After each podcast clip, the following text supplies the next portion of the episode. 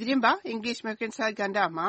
မီးလို့အဓိပ္ပါယ်ရတဲ့ fire ကိုအခြေခံတဲ့ idiom အသုံးတွေကို တင်ပြပေးမှာမို့ပထမဦးဆုံး The fat is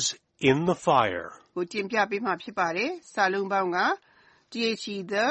fat the fat ကဒီနေရာမှာ noun noun အဖြစ်အသုံးပြုထားပြီး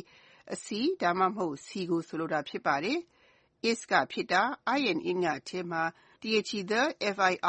the fire ကမီးဆိုတော့ စကားစုတခုလုံးရဲ့တိုက်ရိုက်အဓိပ္ပါယ်ကတော့မီးထဲကိုအစီကျတာပေါ့။အစီဟာမီးထဲကျတယ်ဆိုရင်ပျော်ပြီးမီးထတောက်စေတဲ့အတွက်ဒီအသုံးရဲ့ idiom အဓိပ္ပါယ်ကလည်းရှင်းပါတယ်။မီးဆိုတာကတော့ပြဿနာကိုတင်စားပြောတာဖြစ်တဲ့အတွက်ကြောင့်လေဒီအသုံးရဲ့ idiom အဓိပ္ပါယ်က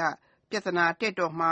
ဒုက္ခရောက်တော့မှာကိုဆိုလိုတာဖြစ်ပါတယ်။ဒီအသုံးနဲ့ပတ်သက်လို့ George ကိုပေးတဲ့ဥပမာကိုလေ့လာကြည့်ကြရအောင်ပါ။ The fat is in the fire. My exams are next week, and I haven't studied well. ကျွန်တော်တော့ပြဿနာတက်တော့မယ်။နောက်တစ်ပတ်စာမေးပွဲတွေရှိတယ်။ကျွန်တော်လည်းကောင်းကောင်းစာမကြည့်ရသေးဘူးလို့အဓိပ္ပာယ်ရပါတယ်။ George ကိုပေးတဲ့ဥပမာကိုနောက်တစ်ခေါက်လေ့လာကြည့်ကြရအောင်ပါ။ The fat is in the fire. My exams are next week, and I haven't studied well. ခုဆက်လက်တင်ပြပေးမှာကတော့ Add fuel to the fire. ဖြစ်ပါတယ်။စာလုံးပေါင်းက add add ကထပ်ပေါင်းတာထပ်ထည့်တာ fuel fuel ကလောင်စာဆီ to2 ကသို့ the fire the fire ကမီးဆိုတော့စကားခုရဲ့တိုက်ရိုက်အဓိပ္ပာယ်ကတော့မီးထဲကို လောင်စာဆီထပ်ထည့်တာပေါ့။တောက်နေတဲ့မီးထဲကိုဓါတ်ဆီဒါမှမဟုတ်ရေနံဆီလောင်းထည့်လိုက်မယ်ဆိုရင်မီးတောက်ကပိုကြီးလာမှာဖြစ်ပါတယ်။အလားတူပါပဲ idiom အဓိပ္ပာယ်ကလည်းဖြစ်နေတဲ့ပြဿနာကို ပိုကြီးစေတာ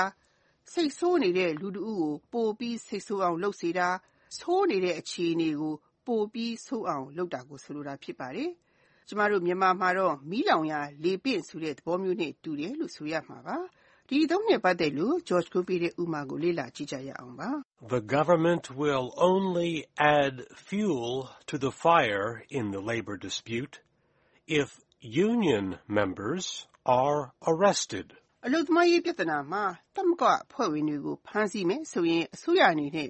မီးလောင်ရာလေပင့်လုပ်သလိုဖြစ်နေမယ်လို့အဓိပ္ပာယ်ရပါတယ်။ George ကိုပေးတဲ့ဥပမာကိုနောက်တစ်ခေါက်လေ့လာကြည့်ကြရအောင်ပါ။ The government will only add fuel to the fire in the labor dispute if union members are arrested. ခုနောက်ဆုံးတင်ပြပေးမယ် idiom အသုံးကတော့ Put someone's feet to the fire. ဖြစ်ပါတယ်။ဒီအသုံးကို put အစား